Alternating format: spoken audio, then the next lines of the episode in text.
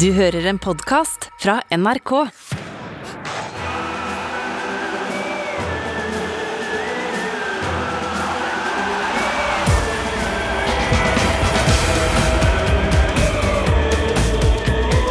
Dette er Heia VM.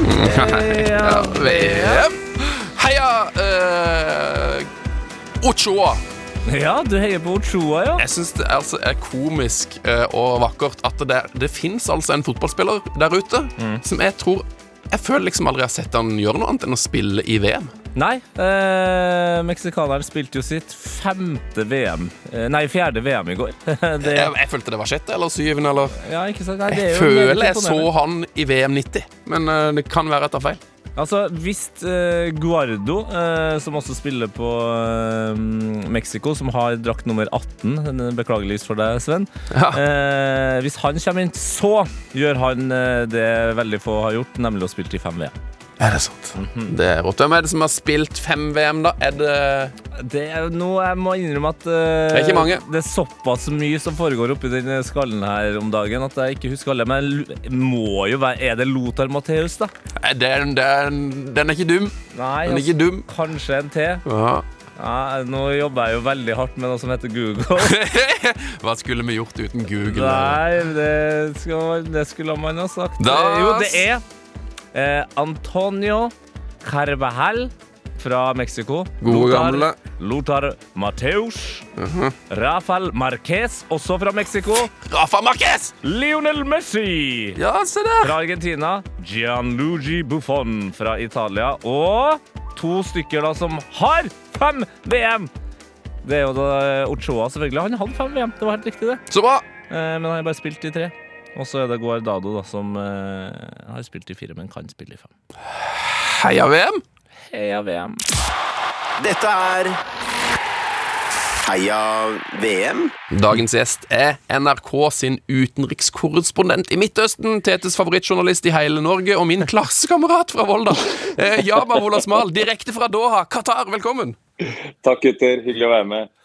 Hvor er du nå? Du, Jeg er i, i Doha, eh, faktisk ute på havet, eller eh, rettere sagt på en kunstig øy som heter The Pearl utenfor byen.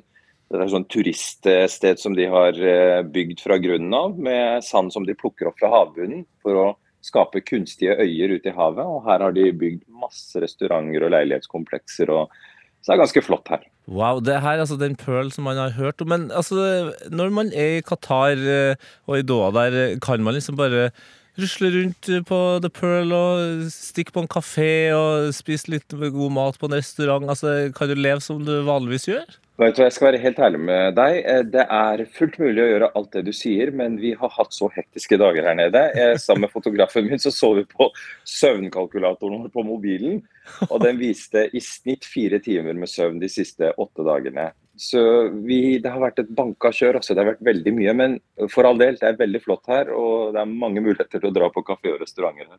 Du er på din siste dag eh, i Qatar for denne gang. Eh, Hvilke, hvilke møter i Qatar er det som har gjort mest inntrykk? Så Det er ikke noe tvil om at det er møtene med de fattige fremmed, fremmedarbeiderne som gjør sterkt inntrykk. Jeg har vært i Nepal eh, etter at jeg kom til Doha. Så fløy jeg til Nepal sammen med Imad Bujaudi min fotograf, og møtte noen av de gutta som har vært med å bygge dette landet, eh, bygge VM-stadionene. Eh, Og der møtte vi både folk som sa at jeg kommer aldri til å reise tilbake til Qatar fordi det var så tøffe arbeidsforhold. Eh, Varmen, heten er uutholdelig, det er over 50 grader på sommeren der. Eh, og jeg har vonde minner derfra. Og så møtte jeg også folk som sa at vet du hva, alt jeg eier og har er takket være jobben i Qatar. Så bildet av fremmedarbeiderne er mer sammensatt enn det norske og vestlige medier har klart å fremstille. For det bor faktisk hundretusener av fremmedarbeidere i dette landet som faktisk kommer hit for å få seg en bedre fremtid, som lokkes av ganske høye lønninger i forhold til hva de kunne fått i hjemlandet. Så det er egentlig møtene med disse skjebnene som har gjort sterkest inntrykk. I Norge så er jo på en måte VM-feberen mer en sånn eh, influensaaktig følelse. Men hvordan er den eh, VM-følelsen i den arabiske verden? Du, jeg er lite fotballinteressert, men det er eh, veldig vanskelig å ikke bli eh, revet med av den følelsen som er ute i gatene. Det er feststemning i Dohas gater hver kveld. Det er parader, det er turister fra hele verden. I utgangspunktet er det mennesker fra 100 land i Doha som bor og jobber her. I tillegg så har du hundretusener av eh, tilreisende fotballturister. Eh, Så det, er, det koker her hver kveld, eh, og det er ordentlig fotballstemning. Så det er litt sånn forskjell fra Og det, det kommer kanskje ikke godt nok frem i dekningen vår. Jeg hørte en eh, dansk journalist som var på Nyhetsmorgen, tror jeg det var i dag, eh, som sa at eh, det er nesten liksom sånn Man har nesten dårlig samvittighet for å si det, men folk koser seg jo her i VM. Men liksom sånn, det kan man nesten ikke rapportere hjem om, følte den journalisten da.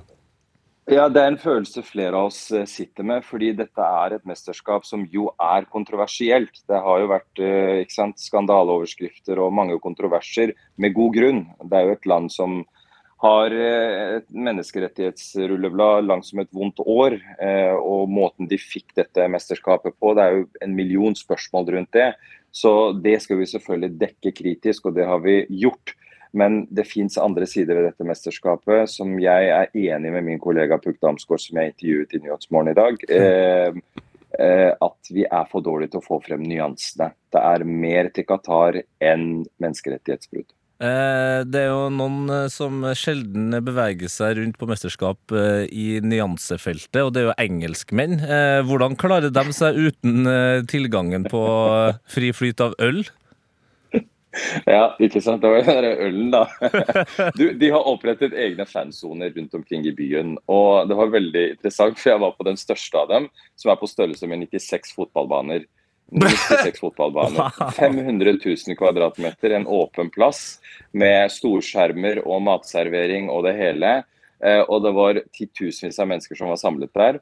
Eh, og det var interessant, Der spilte en DJ musikk i pausen, og så midt i musikken så sier han OK, guys, we'll be right back after five minutes. It's prayer time. Da skjønner du at VM har kommet til et muslimsk land. Så tok han pause, det kom prayer time opp på storskjermene, og da så du at alle fotballturistene, fotballfansen, bare strømmet i Budwiser-køen. Ikke sant? Og kom tilbake med fat med ølglass, ikke sant, eh, til 140 kroner glasset. Eh, så det, det fins alkohol på utvalgte steder, eh, men det er ikke fri flyt. Fordi qatarerne har vært veldig opptatt av at de ikke vil ha fyll og bråk i gatene, og derfor har de vært veldig strenge på dette med alkohol. Det er jo en slags eh, vakker kontrast i all sin eh, rarhet, da, at eh, de vestlige henter øl mens eh, araberne ber.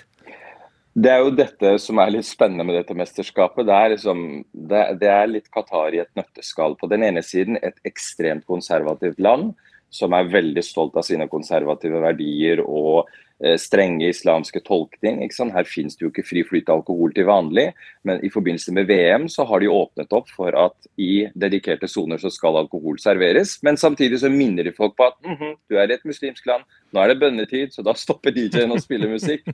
Så ja, det er en sånn det er, det er kontraster i det landet her, kan man si. Eh, Den her armbindsaken har det jo vært utrolig mye fokus på i Norge. Sånne kapteinspinn som det står 'One Love' på. Ehm, jeg lurer på, altså det, det her er jo da et symbol som ikke, liksom, man ikke vil vise fram i Qatar. Har, har det vært en stor sak i Qatar i det hele tatt, eller, eller er det ikke noen måte å få liksom, den ut i pressen på? Det er veldig interessant å følge debatten hjemme, og så være her i Doha midt i kaoset og prøve å følge opp de sakene. Jeg har vært i gatene nå i åtte dager. Og da den debatten eh, sprakk, og det ble store overskrifter hjemme i Norge, så gikk jeg i gata og snakket med fotballfansen. Eh, fra land som Colombia, Argentina, Tyskland, Frankrike, arabiske land.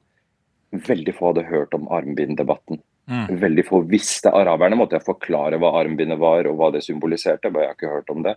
Er dette en stor sak i Europa? Så det er interessant å se hvordan det som får oppmerksomhet hjemme i Norge, eh, ofte ikke er, ikke er noe som folk her nede, fotballfansen fra rundt omkring i verden, er særlig opptatt av. Eh, altså, hvilke land er det som eh, representerer best? Eh, altså, hvem er det flest av eh, i Doha akkurat nå? Eh, Jeg må si det er araberne. eh, Sterkt representert. Saudierne har kommet i hopetall, emiraterne. Og så er det veldig mange fra Latin-Amerika. Mm. Meksikanerne, argentinere, eh, brasilianere ikke minst. Eh, hopetall. Så det er liksom de fire-fem største gruppene jeg har sett eh, til nå. Eh, altså, Saudia må vi jo snakke om eh, straks, men, men hvordan tok qatarerne eh, tapet i, i åpningskampen? Altså, det kom ikke det, altså, det kom ikke til uttrykk i gatene at de liksom gikk med hodet hengende eller noe sånt, men det er klart at de fikk et slag i trynet.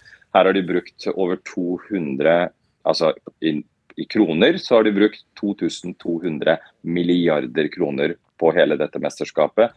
De tolv årene de har bygd stadionanlegg, hoteller, veier, flyplasser. Tenk litt på det tallet. 2200 milliarder kroner. Så man blir svimmel av det. Ja.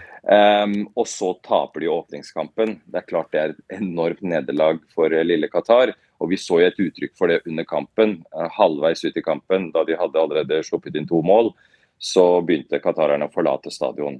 Eh, veldig usolidarisk med det landslaget deres, eh, stakkars.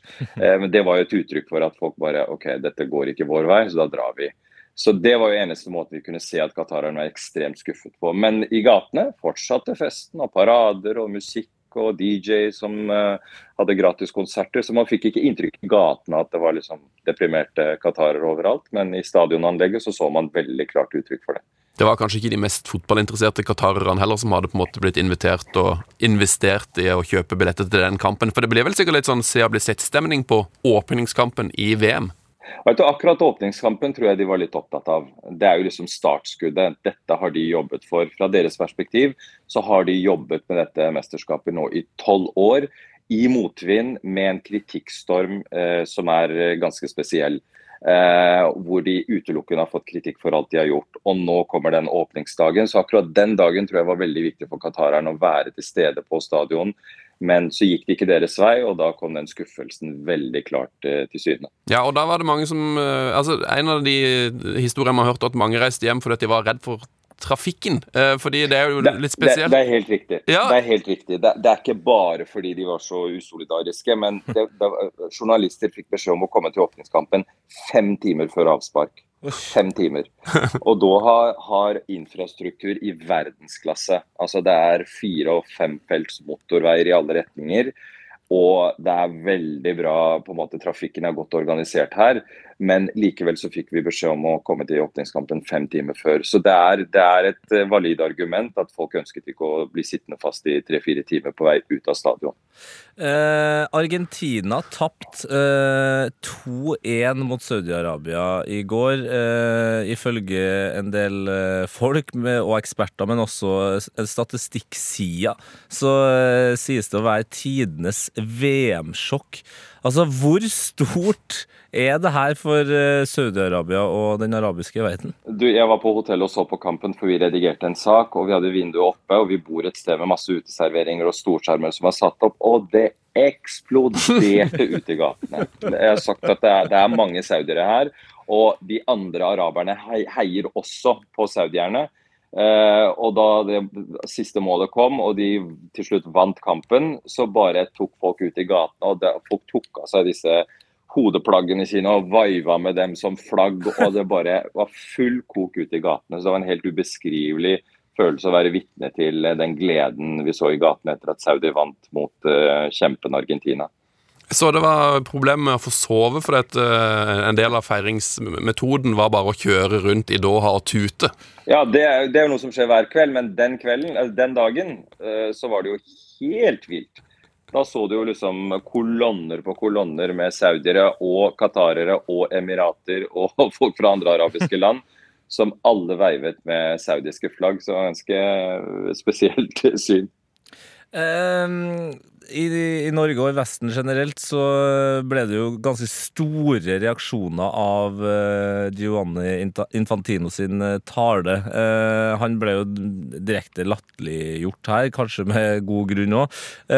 hvordan eh, er standinga hans i Qatar? Altså jeg tror vi kan trygt si at uh, Infantino tok eh, litt mye Møllerstrand uh, den dagen i den talen. For han sa jo veldig mye rart som ikke helt hang på greip. Det tror jeg alle er enige om. Men deler av talen deler av talen ble tatt veldig godt imot her i Qatar og blant arabiske og muslimske fotballfans. Og det er den biten med at Vesten må være forsiktig med å belære oss vestlige land som har vært med på undertrykkelse og, og, og, og kolonisering i hundrevis av år, skal ikke belære andre land. Eh, Den biten ble tatt veldig godt imot. Og eh, den biten med ølen, at jeg tror folk kan klare seg tre timer uten å drikke alkohol. Det, de to sitatene gikk viralt, eh, og folk sa at dette er noe som vi har hatt i hjertet vårt. Her beskrev han godt våre følelser. Alt kollapser ikke hvis fotballfansen ikke får den ølen de absolutt må ha. Eh, Det er noe med å respektere de lokale tradisjonene. Du er i et muslimsk land, du får ølen din på bestemte steder. Det er ikke fri flyt av alkohol, og det må folk kunne respektere. Eh, Og dette med den moralske pekefingeren. Så de to tingene gikk rett i hjertet på, på den arabiske fotballfansen. Ja, fordi altså eh, I all tid det er vanskelig å, å si ting høyt når det ikke er pressefrihet i et land. Så nå som vi har fulgt Qatar og VM såpass tett som vi har gjort eh, de siste månedene, så opplever jeg jo i større og større grad at det er jo et skille her også i Qatar mellom dem som er konservative og dem som er mer progressiv. Eh, eh, Klarer du å sette liksom en følelse på om de eh, mer progressive har fått mer plass eh, i løpet av den tida Qatar har gjort seg klar for eh, VM? Vet du, du er inne på noe veldig viktig her, men det er vanskelig å, å si noe konkret om det, fordi qatarerne er så få. Det er 330 000 qatarere i eh, dette landet. Og det er vanskelig å si hvor det, det skillet går. Dette er et land som i all hovedsak styres av en mektig sjeikefamilie, eh, som har styrt det landet i over 100 år. Sjeikens ord er lov. Det er sjeiken som staker ut kursen for landet. Det er hans visjon som skal implementeres, og fotball-VM var en del av hans visjon eh, eh, mot å åpne opp Qatar for omverdenen, vise hva de står for, vise frem kulturen deres. Eh, så, så den progresjonen vi har sett, den er kommet fra eh, kongefamilien her. Det er de som på en måte har bestemt dette. Samtidig så er det den samme kongefamilien som implementerer ganske strenge straffelover i dette landet ellers. Så det er, det er, veldig, det er et sted full av paradokser. På den ene siden så er det hypermoderne her. Det bor mennesker fra 100 land. På den andre siden så har de eh, undertrykkende lover hvor f.eks. det er ulovlig å være homofil. Så det er liksom Ja. Det er, det er, det et merkelig sted. Det er jo et eh, land, så vidt jeg har forstått, så er det jo nå blitt over 3 millioner innbyggere. Eh, og 330 000 av de er fra Qatar. Det betyr at det er 2,6 millioner fremmedarbeidere. Eh, og de har vært med å bygge disse stadionene, men de er ferdigbygd nå. Så hva skjer med, hva skjer med, med noen av disse fremmedarbeiderne? Blir, blir de arbeidsledige nå, eller? Nei, altså Qatar har hentet inn veldig mye arbeidskraft eh, i forbindelse med byggingen av stadionene. og når, Da de ble ferdig, så ble denne arbeidskraften sendt tilbake til sine opprinnelsesland. Steder som Nepal, Bangladesh, India, Pakistan. Men dette landet drives jo av gjestearbeidere. Og når jeg sier det, så tenker folk automatisk på disse stakkarslige eh, fattige mennene fra Bangladesh som feier gatene. Ja, Majoriteten av gjestearbeiderne kommer fra fattige land, men det er også hundretusener av godt kvalifisert arbeidskraft her fra hele Midtøsten. Folk fra Libanon, Egypt, Libya, Marokko som kommer hit for å få godt betalte jobber. For qatarerne betaler ganske godt for kvalifisert arbeidskraft som de trenger. Så det er ikke sånn at pga. VM så sendes alle gjestearbeiderne tilbake. Da hadde Qatar kollapset. Eh, Så Qatar, Qatar drives av gjestearbeidere som ikke bare består av disse fattige bygningsarbeiderne. Eh, hvordan eh, tror du det er i Qatar om eh, ett år? Det er jo ekstremt spennende å se, fordi qatarerne liker å fremstille dette mesterskapet som en åpning, et, et, et vannskille, hvor de sier at vi har brukt verdensmesterskapet til å åpne opp landet vårt, til å liberalisere, men samtidig holde på noen av våre konservative verdier som vi er stolt av. Så det blir ekstremt spennende å se at om de lempelsene vi har sett under VM, dette med pressefrihet, vi har kunnet bevege oss fritt og snakke med hvem vi vil, eh, dette med at de har lempet på alkoholregler, at de har blitt litt mer liberale disse 28 dagene under mesterskapet, om noen av noe av denne praksisen vil fortsette utover, vil forholdene for migrantarbeiderne bli bedre også etter VM. Det er veldig spennende, og det skal jeg følge opp ganske tett. For jeg har lyst til å komme tilbake hit når hele VM-kaoset har lagt seg. Det blir veldig spennende å se eh, hvordan det er om ett år, eh, eller om fem år for den saks skyld. Eh. Ja, men Vola Smal, eh, jeg vet du er en busy mann og du skal videre og rapportere videre for NRK fra dette VM på din siste dag. der. Men jeg vil bare si takk for at du var med, og det er superinteressant å høre fra deg. Veldig hyggelig, gutter. Takk for tida. Takk skal du ha. Ha det. Heia, heia VM. Mm, det var Da var det ikke verst. Nei, eh, altså At Heia fotball skulle være live fra Doha. Med, med Yama Wollesmal. eh, Og jeg, føl, jeg følte faktisk eh, Altså, han svarer jo alltid godt på eh, både gode og dårlige spørsmål. I dag følte jeg vi hadde gode spørsmål òg. I dag ta- hadde vi treffer på et bra, bra spørsmål, Eh, men heldigvis enda bedre eh, svar. Eh, jeg, merk, jeg merka det bare med en gang jeg snakka med Yama, at han ville jeg ha inn igjen. Ja. Og få snakke i tre timer om eh, Alt. om alt. Men det forblir en annen eh, gang. Vi kan snakke litt om gårsdagens kamper. Eh, Saudi-Arabia-Argentina, den har vi nevnt, men eh, Argentina tapte, altså. Ja, Argentina eh, og Messi tapt. Det er jo på en måte det som er narrativet. Og jeg satt jo i går i studio med, med Åge etter den kampen her, og han eh, sa at han hadde fått Jeg har fått melding fra Argentina. Han har altså har fått en melding fra en kompis som bor i Argentina, og han sa altså det er Det, det var altså en sånn sjokktilstand eh, i Argentina. Det var på en måte ikke nødvendig sinne eller at folk var lei seg. Folk var bare i rent sjokk. Og det er jo ikke så rart. Det er ikke så rart. eh, Og heldigvis for Argentina er det to kamper igjen. Eh, Ja. Og jeg føler jo, jeg har sagt det før, men jeg føler jo ofte at det kan være en, eh, en fordel å gå på en sånn gigasmell. Ja, vi to er jo veldig opptatt av italiensk VM-historie. Eh, og, og da vet man jo at eh, nærmest jo dårligere du gjør det i starten, jo bedre ender det. Men det blir spennende å se om det gjelder for Argentina og Messi. Danmark hadde jo en, jeg vil si nesten en perfekt start på et VM. Eh, De spilte mot Tunisia i går, og det var en 0-0-kamp der det vel ikke var så viktig å vinne. Det viktigste var vel å ikke tape. Ja, eh, det virka i hvert fall eh, litt sånn samtidig som det må være den kampen eh, så langt i VM med det høyeste tempoet. Altså, det var som å se en eh, Premier League-kamp i august, altså. Eh, Og det tunisiske laget, som har en del spillere som man kanskje ikke nødvendigvis kjenner igjen, var altså så forbanna imponerende. Helsike for et lag! Altså, eh, vi snakker jo hele tida om gegenpress og om presset som eh, Pep setter med City og alt sånt der.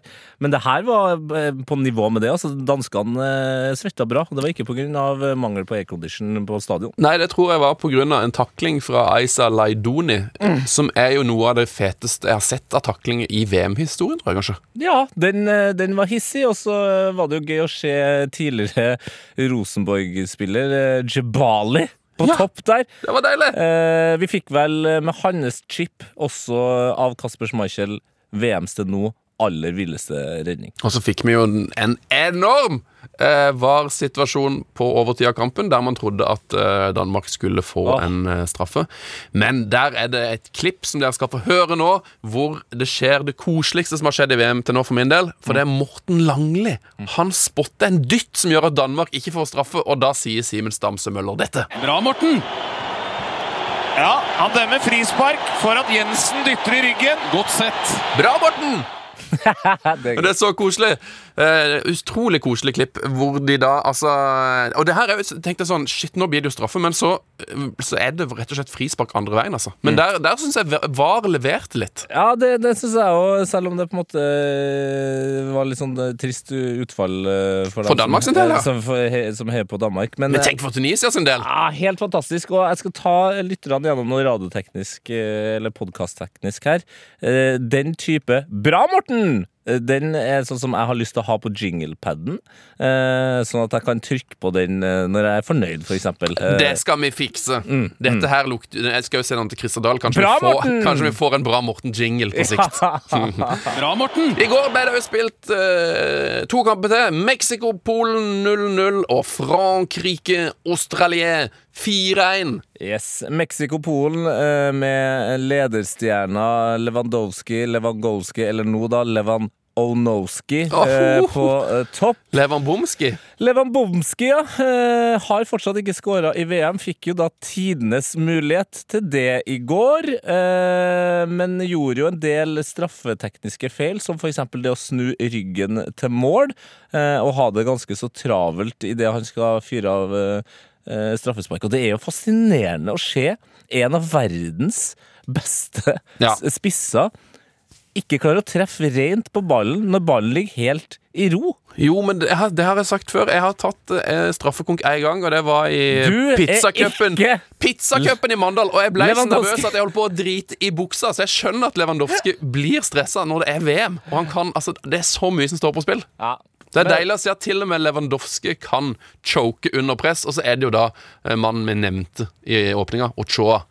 Eh, som, som redder. Det var jo et vakkert øyeblikk. Eh, så en nydelig tweet som sa Ochoa er for VM, det Mariah Carey er for jula. Ja! Det er presist. Bra, Morten! Der er vi. Og eh, siden nå VM er i juletider, så eh, kjenner jeg jo at jeg får en drøm om at noen med en, altså hakket mer eh, videotekniske ferdigheter enn meg får uh, shoppa inn eh, Ochoa inn i All I Want for Christmas-videoen. Ja, All I want for Christmas is Ochoa. håret, er, håret er jo ikke ulikt. Nei, det er det jo aldeles ikke. Nei. Så, så, så Ochoa i en sånn uh, nissekonekostyme der, det tror jeg gjør seg langt uti i romjula, altså. Ja, den er ikke dummen. Den Den er ikke dum. Det var en siste kamp i går. For en dag. Fire kamper. Helsike. Eh, og selv om det var to 0-0-kamper, så følte jeg at jeg fikk valuta for pengene, altså. Eh, men klokka åtte Hva kaller man det? da? Rosinen i pølsa, kanskje? Ja. Regjerende mester Frankrike skulle ut og tryne. De skulle jo ryke gruppespillet, det var jo det som var eh, skrevet i stjernene, Tete. Det var narrativet. De eh, fire siste mesterne har jo eh, gjort det. Eh, Men Frankrike starta jo elendig. Eh, Du verden. eh, Benjamin Pavard fra Bayern München, han er ikke opptatt av Goodwin. Eh, Jeg vet, ikke kanskje, altså jeg vet ikke om det er dårlig stemning mellom eh, høyrebekken til Frankrike og eh, nei, Australia sin venstrekant, men De holdt, holdt veldig god avstand. Det var litt sånn tidlig koronaavstand der. som Tremeteren. Ja, som Kristoffer Løkberg sa i går, det var vel eh, ballwatcherens mor, far og kanskje til og med mm, Det en onkel, tror jeg. opprinnelse. til og med der. Nei, men altså, det var helt konge, da, at Australia starta med å lede i den kampen. Men eh, etter det så var det Rabiot, så var det Giroud, og så var det Mbappé, og så var det Giroud igjen. Og nå har Giroud skåra like mange mål i den franske landslagsdrakta som Thierry Henry. Tenk på det. Det er helt, det er helt utrolig. I det mesterskapet her så vil altså eh, mest sannsynlig Hugo Lloris gå forbi eh, Lilian Thuram som den eh, med flest landslagskamper for Frankrike, og Giroud vil ta over for Henri. Eh, vi er inne i en slags eh, Vi er et dypt generasjonsskifte. Ja, det, det, det syns jeg det, det, klinger så rart at liksom Giroud skal skåre flere enn Henri. Eh, og det jeg begynner å tenke det liksom, For Tyram er jo ikke Tyram en større legende enn Loris. Burde vi nå begynt å telle noe sånn slags eh, I og med at spillerne har så lange karriere nå. For det er jo det som er grunnen til at Giroud slår den rekorden, er jo at han, han er jo eldgammel. Ja, ja, Henri har- la jo opp når han var mye yngre. ja. Burde vi telt eh, liksom sånn antall mål eh, per år, eller noe sånt? Nei, Da ville Istedenfor å gå på totalt antall mål? Da vet jeg at en eh, nydelig mann som jobber i Viaplay, som har jobba i TV 2, blir eitrende forbanna. Eh, Kasper Vikestad er jo veldig opptatt av at alle rekorder skal på en måte gå gjennom hele historien. Og hvis vi begynner å surre til Ja, noe ja, nytt der Ja, ja beklager, Kasper, hvis, hvis du hører på.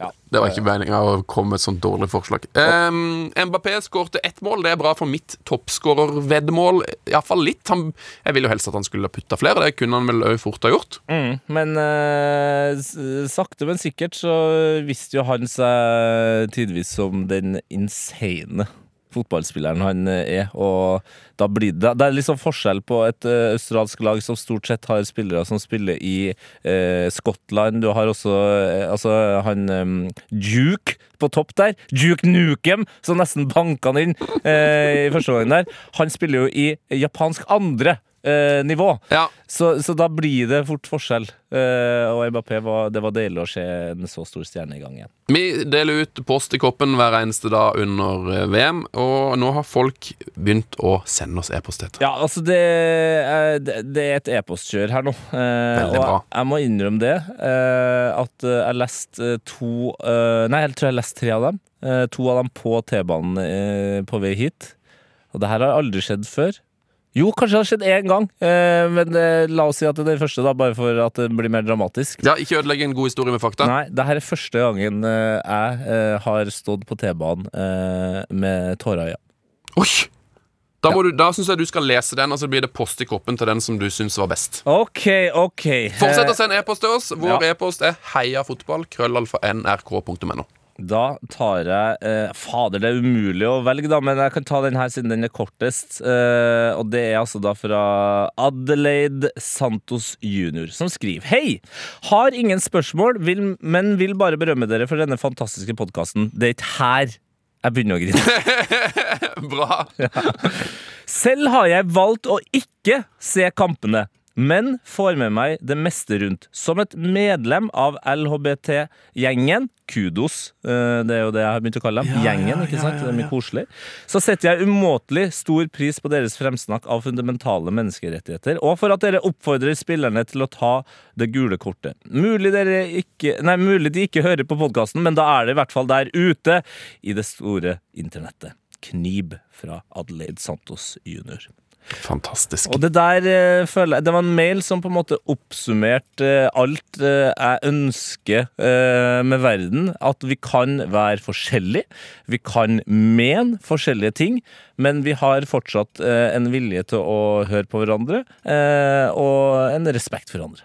Og så har vi nå fått iallfall tre meldinger om folk som hører på podkasten, Mm. Men som ikke ser på VM. Ikke sant? Og det, det, er, jo der, det er jo derfor vi er Da er vi i mål. Ja, vi, vi får ikke gjort så veldig mye med det som blir visst. eh, Fordi det er tross alt bare en podkast. Yes, Og til dere som ikke ser på VM, dere kan faktisk spole fram nå i 90 sekunder, for nå skal jeg forklare dere hva som er dagens kamper. For en meny! I dag klokka 11 Marokko-Kroatia. Ja, ja, Marokko ja. kan fort finne på å vinne den her, Tete. Marokko kan sjokkere verden nå eh, mot eh, dette gamle, eh, legendariske Kroatia-laget. Som er litt sånn hm, Ryker de gruppespillet, eller går de til finalen igjen, de gamle røverne? Klokka to, Tyskland-Japan. Hvor gode er Tyskland? Hvor ryddig blir det på tribunen etter kampen? Det er viktige spørsmål. Det er veldig viktige spørsmål. Eh, klokka 17.00, Spania-Costa Rica. Herregud. Helsike, her tror jeg kanskje vi har en eh, finalist uh, i kampen, altså. Og så er det klokka åtte. Belgia-Canada. Lukaku er ikke med, men det er KDB og Wout Oh. Uh, min favorittnavnemann i forsvaret til Belgia. Wout Face. Min Hvilke favoritt. Eh, Kan jeg få si min favoritt fra den kampen, eller? Ja, det kan du. Og så kan du etterpå si hvilke kamper går på NRK i dag. Eh, Alfonso Davis på Canada er jo med. Eh, på NRK så er det jo eh, sikkert akkurat nå mens du hører på den podkasten her, eh, deilig, nesten sånn morgenstemning-TV med, med Åge, eh, Kristoffer og Emil. Da er det Marokko-Kroatia. Og så vises Spania-Costa Rica og Tyskland-Japan med undertegnede i studio. Har NRK tre kamper, da? Tre! Herlig fred. Jeg bare, jeg bare kjører, vi bare kjører tre kamper i dag. Vi er Dette er nydelig. Vi går til en fast spalte, Tete Lidbom. Hot or not? Min selvtillit den handler om at jeg står opp om morgenen, og så ser jeg meg sjøl i speilet. Så er jeg sånn Fy faen. Der er Tete Lidbom konge. Hot Min selvtillit or not? den handler om at jeg står opp om morgenen, og så ser jeg meg sjøl i speilet. Så er jeg sånn Fy faen. Der er Tete Lidbom konge. Takk til Roxette, som har eh, spilt inn eh, en eh, liten trudelutt for oss her. Det er deilig. Ja, altså, ba- kun for oss i Heia VM så har de lagd en ny, unik låt. Så det setter vi stor pris på. Takk til dere i Roxette. Hva er hot og not i VM, Tete Lidbom? Ja, hva er hot eh, or not? Eh, nei, jeg- kan jeg få gå for en veldig enkel eh, hot i dag? Det kan du. For uh, Christian Eriksen spilte uh, en VM-kamp uh, ett og et halvt år etter at han uh, var død Ja, eh, på banen. den er god. Det mener jeg er så hot eh, som man kan få det, egentlig. Det er fantastisk. Det, og det hadde jeg på en måte ikke Jeg har, ikke, jeg har, på en måte, jeg har jo sett han så mange ganger med Manchester United nå. At, jeg liksom, at jeg glemmer å verdsette det at han liksom er tilbake. Men nå er han altså tilbake i et VM, og det hadde aldri trodd! Hva er hot for din del, eh, Sunne? Jeg nevnte det i stad, men det er altså Aisa Laidoni. Som er en vill fyr, eh, og som gjorde noe som jeg, jeg vet aldri har sett i VM før, tror jeg. Han hadde altså ei takling på eh, Christian Eriksen etter et kvarter der. Som han altså feira så overdrevent og hausa opp eh, tusenvis av tunisiske fans. Eh, og bare rett og slett jubla for egen takling. Og det elsker jeg å se. Ja. Det var, det var meget, meget hot. Eh, min not er rett og slett litt kritikk av oss sjøl, Tete. Ja, det er alltid på sin plass. Eh, fordi jeg, jeg syns det er for korte sendinger eh, i VM etter, etter kampene. Ja, du gjør det, ja? Ja, jeg kunne tenkt meg at det var liksom to timer, men bare masse klipp og sånn. For jeg, jeg, trenger, å, jeg trenger å lande Ja. etter kampen. Og jeg, jeg kan gjerne sitte opp til tolv, så jeg syns iallfall på seinkampene, når det er sånn som i dag, Belgia-Canada klokka åtte, når kampen er ferdig klokka ti, da syns jeg vi skal sitte oppe til tolv og, og ha studio. Ja, ikke sant, ikke sant. Eh, men det er klart det blir dyrt overtid, eh, utmattende for alle, men er, eh, det er bare mitt ønske, da. Mer, te mer TV. Ja, det er ikke jeg som har bestemt det. Det hadde nok vært vanskelig for meg å holde på med noe mye lenger enn jeg gjorde i går, eh, personlig. Og så er det jo eh, også en grunn som gjør at eh, man får mindre. Ja. Og det er det Colina som står bak, og han respekterer vi. Og det er jo de her overtidsminuttene.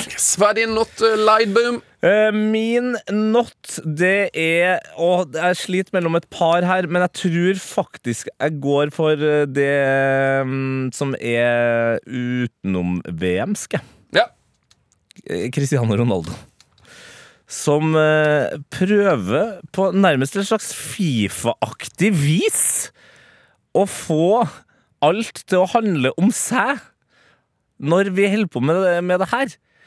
Det at han nå eh, er ferdig i Manchester United, det gir da vel jeg egentlig en blanke faen i. Du sitter og koser deg med VM, du, nå. Jeg sitter og koser meg med VM. Jeg vet at det snart er advent og jul. Jeg vet at det straks er eh, fuckings Premier League og fullt kjør i, i romjula igjen. Jeg gir da vel faen om Cristiano Ronaldo er ferdig med Manchester United eller ikke. Ta og hold den forbanna tøyten igjen. Nå skal jeg si noe mye styggere, men jeg klarte å holde meg. Bra, Morten! Det er veldig bra, Tette. Ja, Du er god der. ja. Vi er tilbake i morgen med Heia VM. Da er det Er det ikke Andrine Hegerberg i morgen, da? ja, det tror jeg faktisk. The Ledge. Så det er bare å fyre av gårde spørsmål og e-post og greier til hun og til oss. Eh, Du finner oss på Twitter. Da heter vi P3 Heia Fotball. Eller send på e-post heiafotballkrøllalfa.nrk.no. Det var en glede å prate med deg, Tete. Det var en gledeprat med deg òg, og det var en gledeprat med Ja- Yama Voldsmal. Og jeg vet at jeg i hvert fall skal lese opp to av de mailene vi har fått allerede i morgen. Deilig. Fuck off, da, gutten. Ja, fuck off, da. Bra, Morten! Bra, Morten! Bra, Morten! Bra, Morten! Bra, Morten! Bra, Morten! Bra, Morten! I Gal og genial serverer jeg og Sven historier om vitenskapens største og gærneste genier. Da får du høre historien om Thor Heyerdahl, som kryssa verdenshavene på de mest skrøpelige fartøy for å bevise at havet var en gammel motorvei. Om Albert Einstein som var så smart at han ikke gadd å møte opp da han omsider fikk nobelprisen.